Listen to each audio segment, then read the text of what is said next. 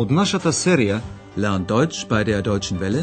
Учете германски со Deutsche Welle, чујте ја серијата Deutsch, warum nicht? Германски зошто не?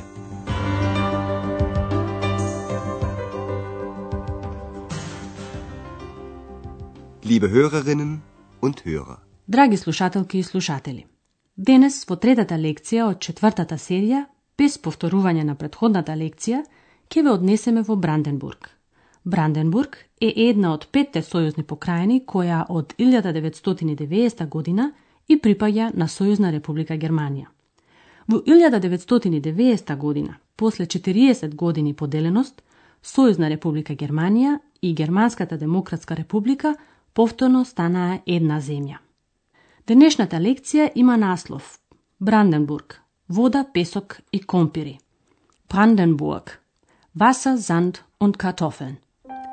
Придружете ни се на патувањето низ Бранденбург. Слушнете ја репортажата на Андреас.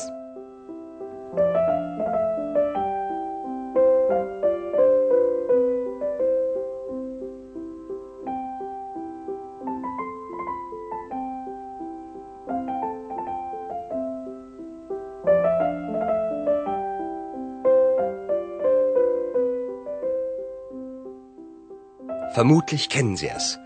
Das Brandenburger Tor mitten in Berlin. Und Berlin liegt mitten in dem Land Brandenburg.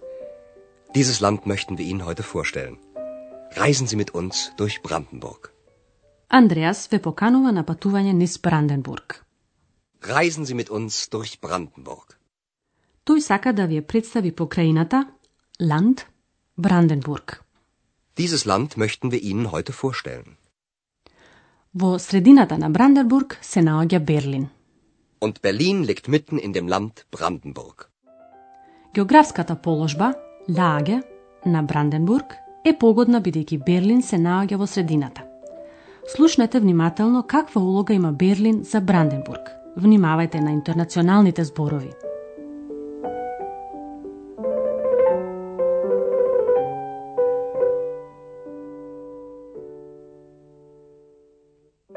Es ist klar, dass Brandenburg von Berlin, der Hauptstadt von Deutschland, profitiert.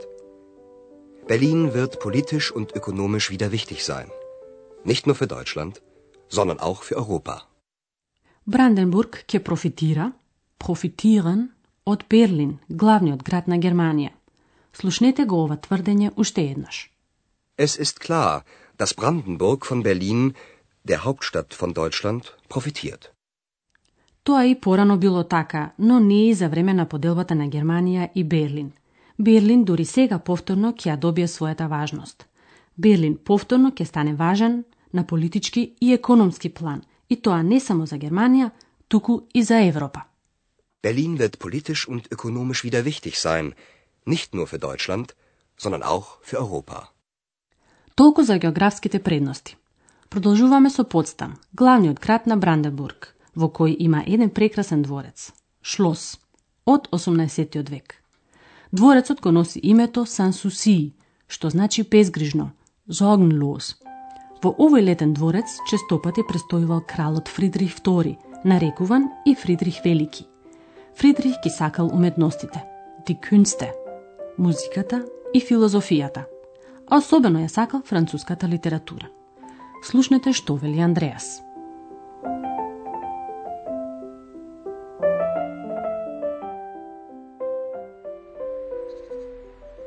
Wir sind jetzt in Potsdam, der Hauptstadt von Brandenburg. Hier gibt es ein wunderschönes Schloss. Sanssouci heißt es. Das ist französisch und bedeutet sorgenfrei. Das Schloss ist aus dem 18. Jahrhundert, der Zeit von König Friedrich dem Großen.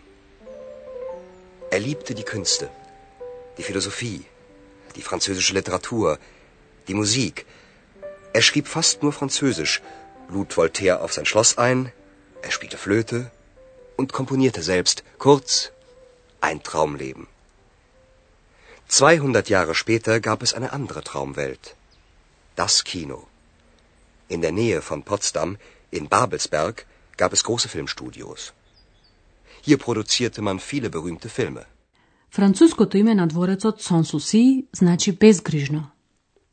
Sans souci heißt es. Das ist französisch und bedeutet sorgenfrei. Дворецот потекнува од 18 век. Него го изградил тогашниот крал Фридрих Велики, делумно користејќи своји собствени планови. Das Schloss ist aus dem 18. Jahrhundert, der Zeit von König Friedrich dem Großen. Фридрих Велики, роден во 1712 година, починал 1786 година, како и сите владетели од тоа време водел војни, но исто така бил филозоф и литерат, кој го претворил Берлин во центар на просветителството. Андреа зборува за овие особености на кралот. Тој ги сакал уметностите, филозофијата, француската литература, музиката. Er liebte die Künste, die Philosophie, die französische Literatur, die Musik. Љубовта на Фридрих Велики кон Франција била толку голема што тој ги пишувал своите писма и книги на француски. Особено бил воодушевен од францускиот филозоф Волтер, кој три години бил гости на дворецот Сансуси. Er schrieb fast nur Französisch, lud Voltaire auf sein Schloss ein. Фридрих Велики ја сакал музиката. Тој свирал на флейта и компонирал многу концерти за флейта. Er spielte Flöte und komponierte selbst. Андреја заклучува. Накусо, живот од соништата. Kurz, ein Traumleben. Потоа Андреас ке се префали во 20. век и ке рече 200 години подоцна, тука постоеше друг свет од соништата. Киното. 200 Jahre später gab es eine andere Traumwelt. Das Kino. Едно од местата каде се произведувале овие соништа се наоѓа во близината на Потстам. Во близина на Потстам, во Бабелсберг, има големи филмски студија. In der Nähe von Potsdam, in Babelsberg, gab es große Filmstudios. Многу од големите филмови на 20-тите и 30-тите години настанаа токму во Бабелсберг. Тука се произведуваа многу познати филмови. Hier produzierte man viele berühmte Filme. Патувањето продолжува низ рамницата Хавеланд, каде што е многу идилично, идилиш. Андреас сретнува еден селанец кој му раскажува по нешто за ситуацијата во земјоделството. Во источна Германија, за време на поделбата на Германија, државата се грижеше за сите луѓе и не постоеше невработеност. Дури и селаните може да живеат од својата работа. Од 1990 година ситуацијата се измени. Земјата повторно беше приватизирана и се воведе системот на пазарно стопанство. За прв пат овде се сретнуваме со конкуренција. Слушнете го разговорот.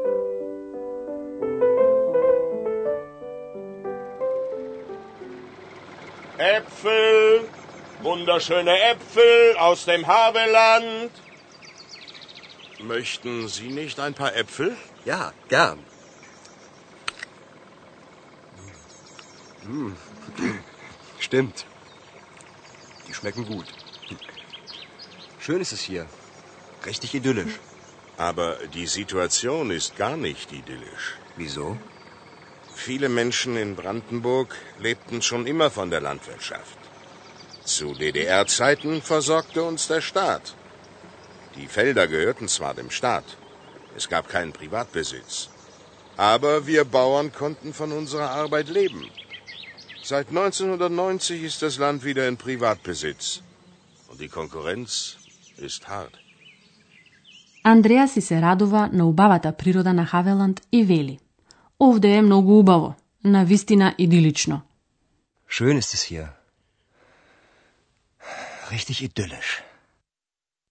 Но идилата може да лаже ако се помисли на ситуацијата во земјоделството од кое живееле и живеат многу луѓе во аграрната покрајна Бранденбург. Viele Menschen in Brandenburg lebten schon immer von der Landwirtschaft. За време на поделеноста беа формирани така наречените производни задруги. Селаните заеднички ја обработувале земјата во огромни монокултури. Селанецот вели. За време на ДДР државата не обезбедуваше.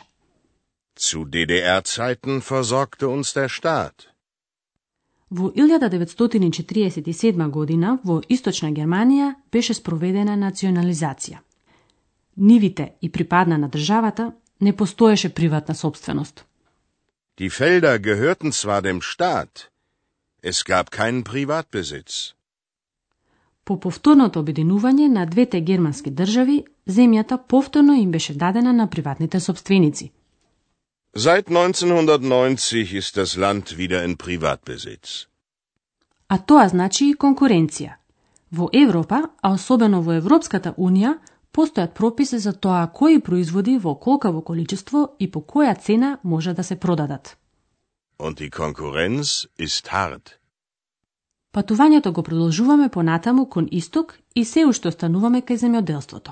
Во Бранденбург не се одгледува само овоше, зеленчук и многу видови житарици, туку и компири, картофен. Истиот оној крал Фридрих Велики, кој го изградил дворецот Си, слушнал и за компирот. Тој знаел дека овој плод потекнува од Латинска Америка и дека ќе успева и на лошата бранденбуршка почва.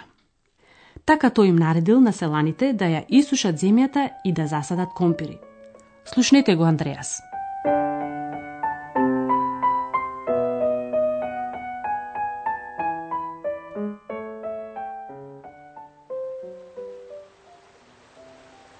Und schon sind wir an der Oder. Da passierte vor über 250 Jahren Folgendes.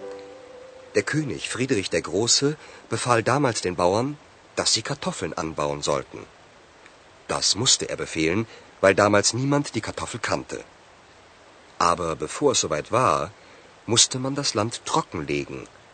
Das dauerte sechs Jahre. Vi znate što po Natamu se sluči s okompirot. To je stana omiljeno jadenje na Germancite. Но пред 250 години Фридрих Велики морал да нареди, бефелн, да се засади компир. Der König Friedrich der Große befahl damals den Bauern, dass sie Kartoffeln anbauen sollten. Постоеле две причини поради кои тоа воопшто не било едноставно. Од една страна, затоа што тогаш никој не знал за компирот. Das musste er befehlen, weil damals niemand die Kartoffel kannte. Засадувањето на компири било многу тешко и од причина што мочуришното земјиште најнапред требало да се исуши. Trockenlegen. Bevor es soweit war, musste man das Land trockenlegen. Das dauerte sechs Jahre. Од претежно земјоделски ориентираниот север одиме кон индустрискиот исток, во Айзенхитенштад, индустријски град кој е буквално изграден на песок. Но слушнете и самите.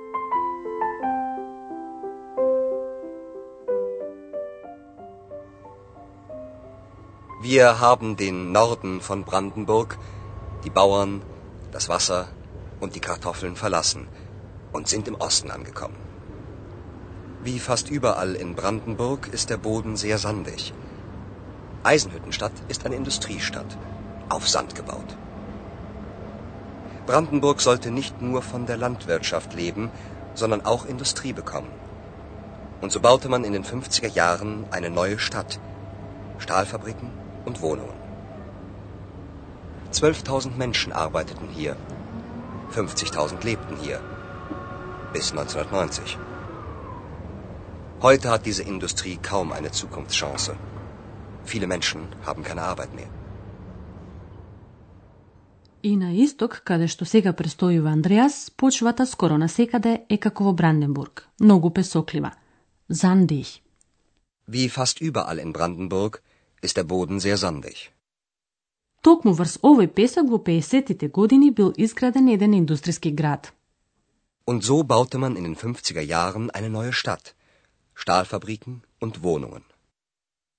Многу луѓе се доселувале во Айзенхитенштад, таму имало работа и станови. Но оваа индустрија денес скоро и да нема шанси за еднината. Zukunftschance.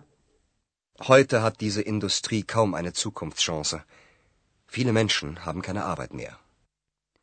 Тоа беше се за денеска и за покрената Бранденбург. Следниот пат ќе ја слушнете приказната за еден човек од Хавеланд, кој многу сакал деца. До тогаш, до слушање. Тоа беше германски Зошто не? Радиоговорен курс на Херат Мезе во продукција на Дојче Веле и на Гетовиот институт од Минхен.